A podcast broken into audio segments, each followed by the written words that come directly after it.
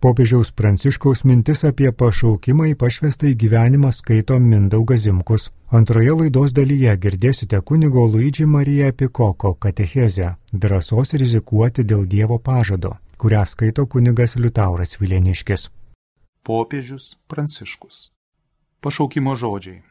Brangus broliai ir seserys, kreipiausi į kunigus kasdien atiduodančius savo gyvenimą viešpaties skirtam pašaukimui tarnauti Dievo tautai.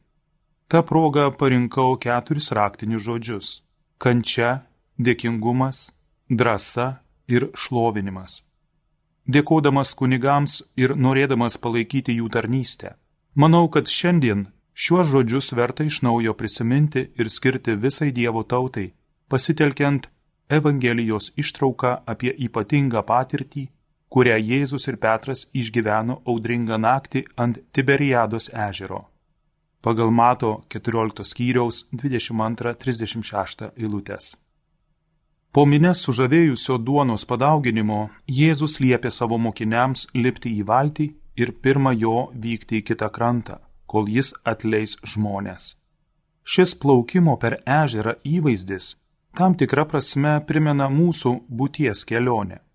Mūsų gyvenimo valtis palengva plaukia pirmin vis neramiai ieškodama laimingos prieplaukos, pasirengusi atlaikyti marių pavojus ir priimti galimybės, tačiau taip pat laukdama, kad vairininkas savo manevru galiausiai nukreips ją teisingu kursu.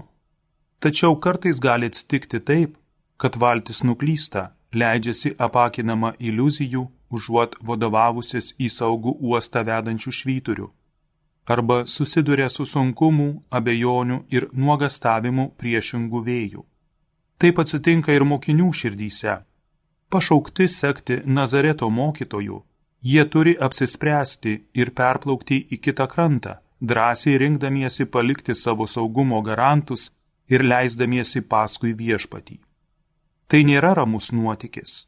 Užeina naktis, pučia priešingas vėjas, valti blaško bangos, o mokinius užvaldo baimė, kad nepavyks susidoroti su užduotimi ir atitikti didelių pašaukimo lūkesčių. Tačiau Evangelija mums sako, kad šios sunkios kelionės nuotikyje nesame vieni. Viešpats, ko ne priversdamas, kad naktį širdyse patekėtų aušra, per audringus vandenys ateina pas mokinius kviečia Petrą ateiti pas jį per bangas, jį gelbėja, nes mato, kad tas skęsta, o galiausiai įlipa į valtį ir liepia vėjui nurimti. Taigi pirmas pašaukimo žodis yra dėkingumas. Navigacija, judant teisinga kryptimi, nėra vien tik mūsų pastangoms patikėta užduotis. Ji taip pat nepriklauso tik nuo mūsų pasirinktų maršrutų. Asmeninės pilnatvės ir gyvenimo planų įgyvendinimas nėra matematinis rezultatas po sprendimo, kurį padarėme kaip izoliuotas aš. Priešingai, pirmiausia, tai atliepas į pašaukimą gaunama iš aukštybių. Būtent viešpats nurodo krantą, į kurį turime leistis, o prieš tai mums suteikia drąsos įlipti į valtį. Kviesdamas jis taip pat tampa mūsų vairininku, kuris mus lydi nurodo mums kryptį, saugo, kad neužplauktume ant neryštingumo uolų ir įgalina keliauti per audringus vandenis. Kiekvienas pašaukimas kyla iš to meilingo žvilgsnio, kuriuo viešpats ateina mūsų pasitikti, gal būtent tuo momentu, kai mūsų valtis patenka į audrą. Tai ne tiek mūsų pasirinkimas, veikiau atliepas į nepelnytai dovanojamą viešpaties pašaukimą. Laiškas kunigams 2019 m. rūpjūčio 4 diena. Todėl galėsime jį atrasti ir priimti, kai mūsų širdis atsivers dėkingumui ir išmoks atpažinti mūsų gyvenime praeinantį Dievą. Kai mokiniai mato prie jų artėjant vandeniu einantį Jėzų, iš pradžių pamano, kad tai šmėkla ir išsigasta. Bet Jėzus čia pat nuramina juos žodžiu, kuris visuomet turi lydėti mūsų gyvenimą ir mūsų pašaukimo kelionę. Drąsos, tai aš, nebijokite, mato 14 skyriaus 27 eilutė. Būtent tai yra antrasis žodis, kurį noriu jums perduoti - drąsa. Keliauti, aukti, rinktis viešpaties nurodomą kelią mums dažnai trukdo būtent šmėklos, klaidžiojančios mūsų širdyje. Kai esame šaukiami palikti saugų krantą ir rinktis gyvenimo būvį, tokį kaip santuoka, tarnaujamoji kunigystė ar pašvestasis gyvenimas, pirmoji reakcija dažnai būna netikėjimo šmėkla. Neįmanoma, kad šis pašaukimas būtų skirtas man. Ar iš tikrųjų tai teisingas kelias? Ar viešpats iš tikrųjų to prašo iš manęs? Pamažu mumyse išbujoja tie svarstymai, pasiteisinimai ir apskaičiavimai, dėl kurių prarandame polikį. Mūsų žvaldo sumaištis ir liekame paralyžiuoti krante, iš kurio turėtume išplaukti. Nusprendžiame, jog apsirikome, kad negalėsime atitikti didelių reikalavimų. Tiesiog pamatėme šmeiklą, kurią reikia nuvyti šalin. Viešpats žino, kad toks esminis gyvenimo pasirinkimas, kaip santuokos sudarimas ar ypatingas pasišventimas jo tarnystėj, reikalauja drąsos. Jam žinomi klausimai, abejonės ir sunkumai mėtantis mūsų širdies valtį, todėl mūsų užtikrina. Nebijok, esu su tavimi.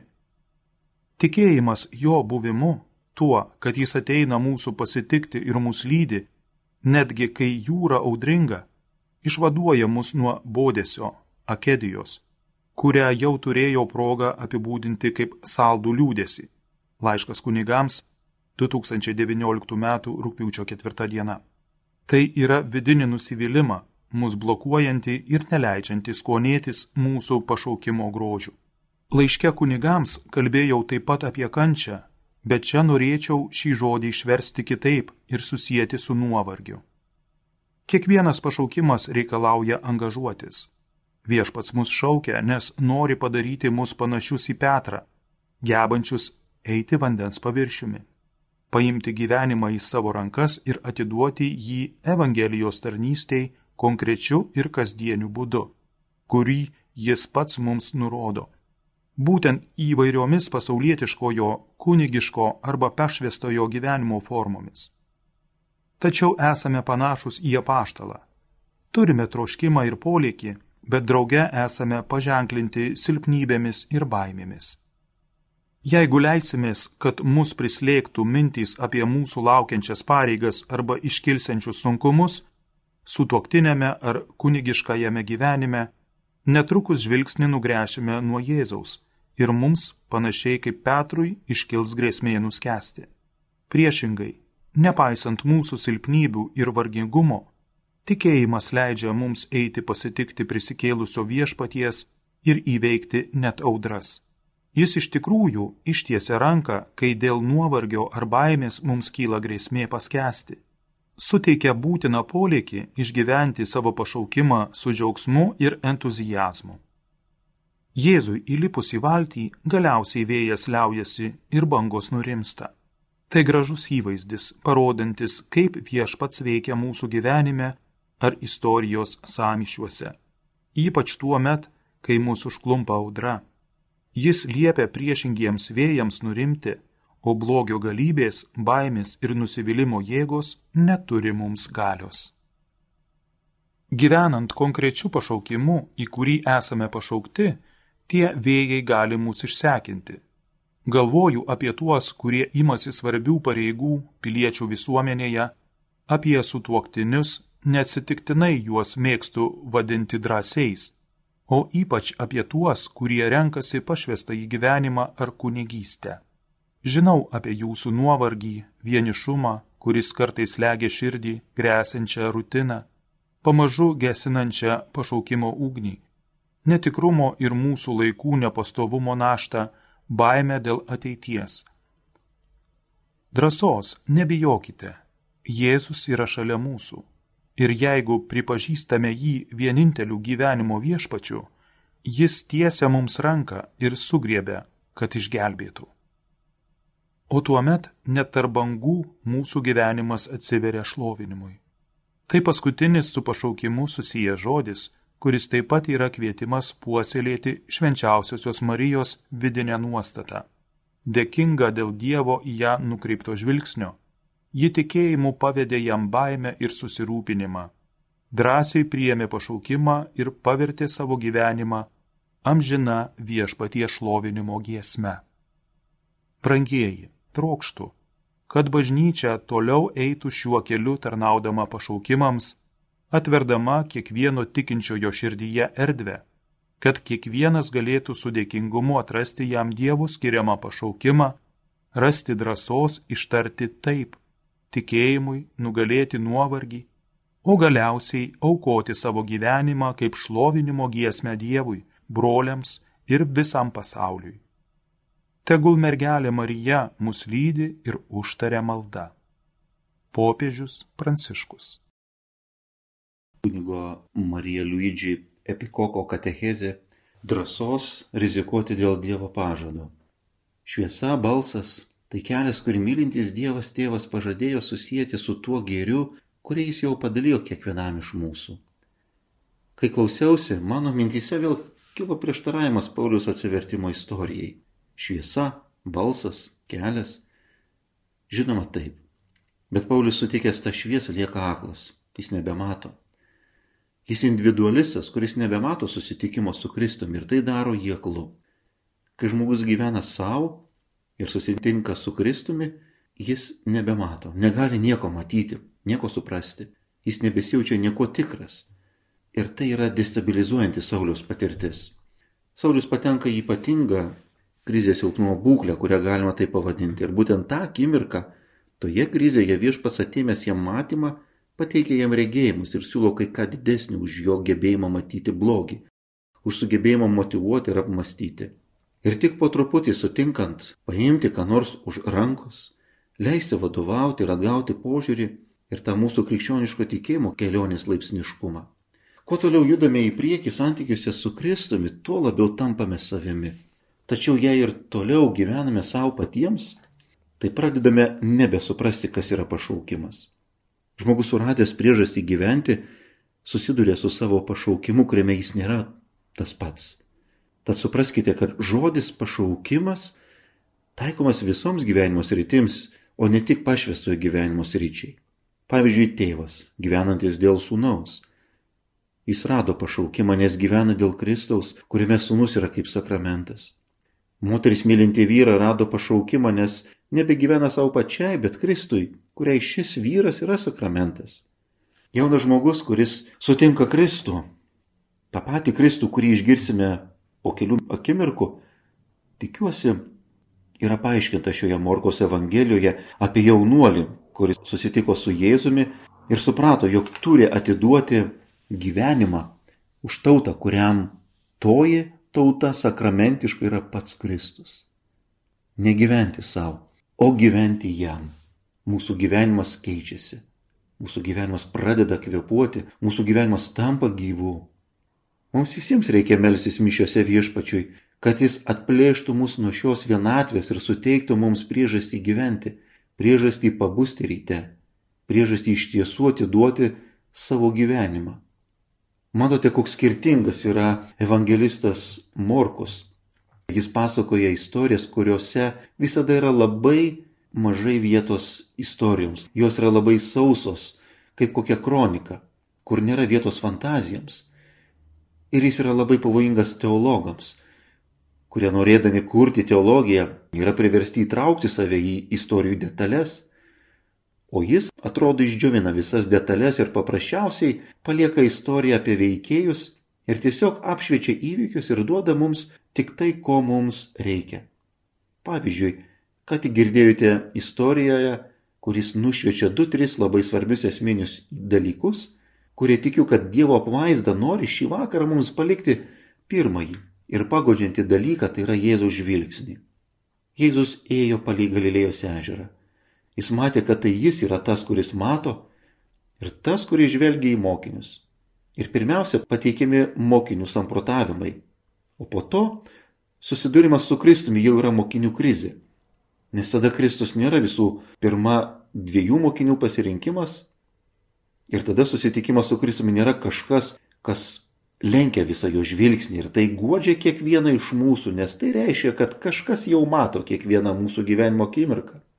Visą mūsų gyvenimą žvelgia kažkieno jau nukreipusio į mus savo žvilgsnį akis.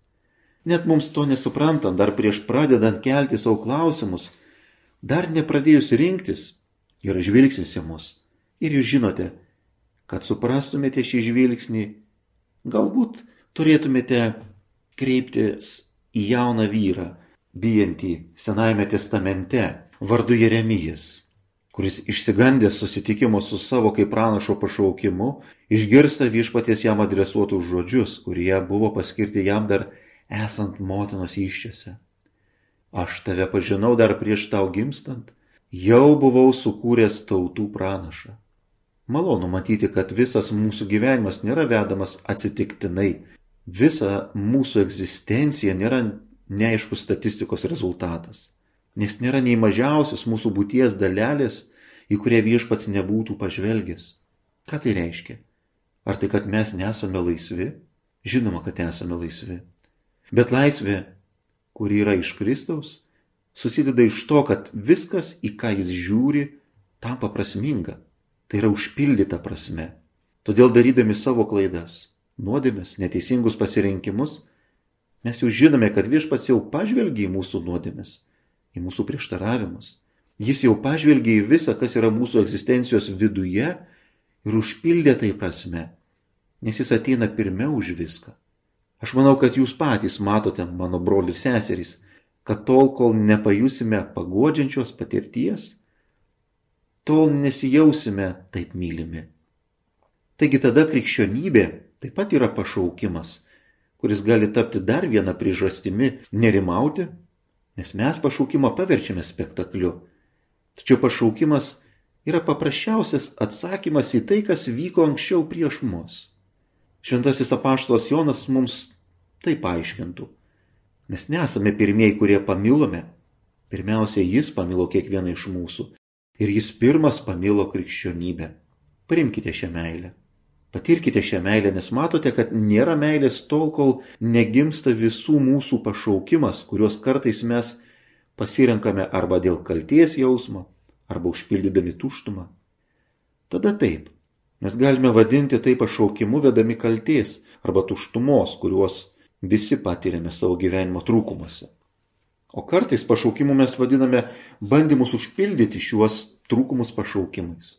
Tačiau tai nėra pašaukimas, nes pašaukimas gimsta iš meilės patirties ir iš patirties, kuri yra ankstesnė už mus. Ir tai yra tai, į ką žvelgdami patyrė pirmieji mokiniai susitikdami su Kristumi. Ir pirmiausia, buvo provokuojami jų laisvė, nes viešpats kreipėsi juos sakydamas, eikite paskui mane. Taip, tai yra pavojinga, nes pastatė save prieš tave, jis yra tavo kelias, kuris sako, kad turi mesti savo gyvenimą, kad negali daugiau improvizuoti savo gyvenimo, nebegali pasitikėti savo paprastą patirtimi. Ir žinodami tai, imame jausis beviltiškai, nematydami nieko priešai save, kai niekas nepaklausia, Kaip žengti? Koks kitas žingsnis? Jei tai teisingas žingsnis, tai kuris kelias tada veda į pragarą? Kiek kartų mes patirime pragarą neturėdami į ką žiūrėti. Mes esame krikščionys kančioje, kurioje mums pavyksta atsilikti nuo jo. Ir jūs matote, kaip tai yra svarbu, kad visas mūsų atsivertimas yra tai, kad nuolat grįžtame pas jį, pas Petrą, kuris vieną dieną paėmė jį už rankos ir jam pasakė, viešpatie, nesakyk tokių kalbų, kad eisi į Jeruzalę, kad mirsi. Jėzus kreipėsi į Petrą, kuriam buvo davęs namų raktus. Na žodžiu, raktus nuo Dievo karalystės ir jis pasakė jam, eik šalin šetonė nuo manęs. Grįžk man už nugaros. Kodėl tu man esi toks papiktinimas? Kodėl ir toliau mastai pagal žmonės, o ne pagal Dievą? Niekas iš mūsų negali suprasti savo egzistencijos pašaukimo, kodėl mūsų gyvenimas yra vertas gyventi, kol neišmoksime stovėti jam už nugaros. Kad sužinotume, ką reiškia stovėti už nugaros, kad nustotume likti vien mūsų išbandymų tuštybėje. Vienintelis įdomus dalykas mūsų gyvenime yra tai, kad viešpats pats pasistato prieš mus. Bet ne tam, kad atimtų savo gyvybę, bet kad mūsų gyvenimas nebūtų švaistomas. Nes mes neturime viso laiko. Mes turime tik šį laiką, mūsų egzistencijos laiką. Sekite paskui mane. Kartais galvodami apie pašaukimą, visada galvojame, ar paprasčiausiai turime ką veikti mūsų gyvenime. Mes nesuprantame, kad pašaukimas yra tik konkretus būdas realizuoti krikštą. Tada, kada randame būdą asmeniškai išreikšti jį. Dabar pagrindinė kiekvieno iš mūsų problema yra tai, kad ar mes prisimename jį. Tai pagrindinė problema man, kunigui, dar prisiminti, kad pirmiausia esu krikščionis, nebūtinai kunigas, ir kad pirmiausia melžiuosi kaip pakrikštytasis, o paskui jau visa kita. Tai yra patirtis, kurią turime patys ginti. Kad ne tik tai, ką darome, kuo gyvename šią akimirką, namus, kuriuos krikščionys turi ginti visą gyvenimą, bet ir krikštą. Jei šie du dalykai, kuriuos jums sakau, veikia, tai galime likti net jūroje, jo stebimi, atsidodami jo malonį ir išmokdami eiti paskui jį. Ir kas gyvena šiais dviem dalykais, jau išgyvena šventumą. Taigi tik patyrus šiuos du dalykus, galime dar pridėti trečią. Ką aš galiu padaryti? Ką aš galiu padaryti per visą šitą istoriją? Istorija, kuri yra mažas mano kūrinys, kuri yra mano specifinis dalykas, norint rasti drąsos tapti visą verčiu, atrasti savo tikrąją vertę. Štai kas išsameu apibūdina mano gyvenimo unikalumą. Sek paskui mane. Ir aš padarysiu tave, sako Jėzus aš priversiu tave tapti. Taip, jūs man sakote, kad frazė baigiama žodžiais žmonių žvėjais. Na, man patinka galvoti, kad galbūt turėtume išmokti sulėtinti žodžius tik tada, kai tikrai susitinki su Kristumi, kad taptum kažkuo, kas ateis, kad taptum įvykiu, kuris ateis pats. Kitaip, esi tik dėžavų, tas, kurio fotokopijoje jau buvo matyta. Ir jūs tiesiog pakartojate tai, kas nepakartojama, kai susitinkate su Kristumi, kai susitinkate žmogų, kuris priverčia jūs kažkuo tapti. Petras ir kiti mokiniai buvo žvėjai. Paradoksalu, kad Jėzus pavadina žvėjus žmonių žvėjais.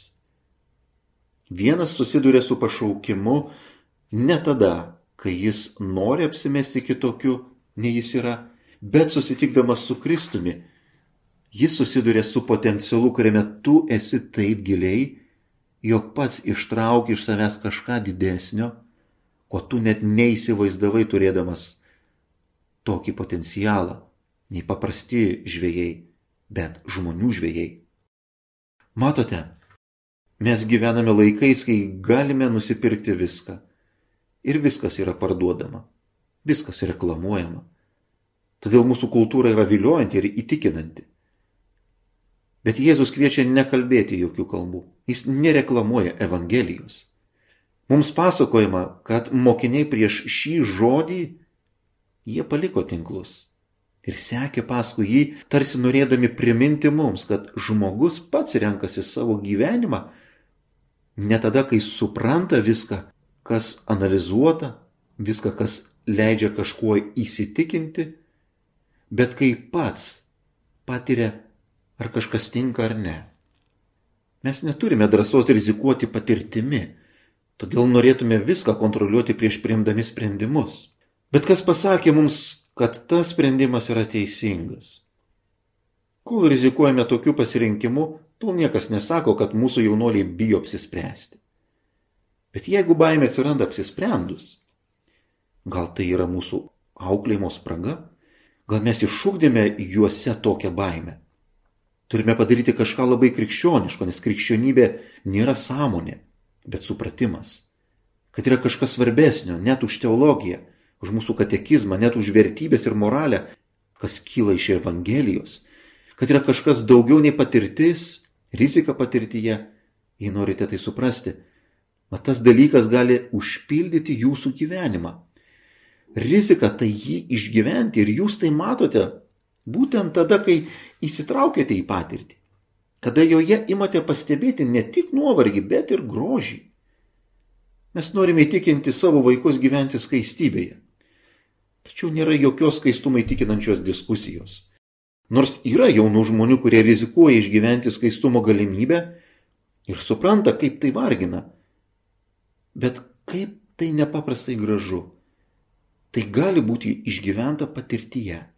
Panašiai mes siūlome savo vaikams visiškai atsiduoti, atiduoti savo gyvenimą viešpačiui, pasišvenčiant misionieriaus pasirinktų pašaukimu ir suvokti, kaip kartais labai sunku gyventi einant prieš srovę ir tame sunkume yra nepaprastas gėris ir grožis. Tačiau sunku yra įtikinti du vienas kitą mylinčių žmonės tuoktis. Jiems yra geriau eiti gyventi kartu ir pamatyti, kiek visa tai tęsis. Mes visi norime, kad meilė būtų amžina, tol kol ji tęsiasi. Tačiau kai ji baigėsi, mes norime turėti galimybę išeiti. Sunku savo vaikus kalbomis įtikinti, kad jie turi tuoktis ir žiūrėti vienas kitam į akis sakydami amžinai, amžinai visam gyvenimui. Tačiau galime sutikti jaunų žmonių, kurie mylėdami vienas kitą rizikuoja, žiūrėdami vienas kitam į akis ir Dievo malonę pasikliaudami sako vienas kitam amžinai. Evangelija yra radikali. Evangelija iš mūsų reikalauja labai didelių dalykų. Tačiau norėdami gyventi pagal Evangeliją, mes neturime laukti, kol kažkas mus įtikins. Mes tiesiog turime kreiptis į save, norėdami pasakyti, kad noriu rizikuoti tuo, ko manęs prašo.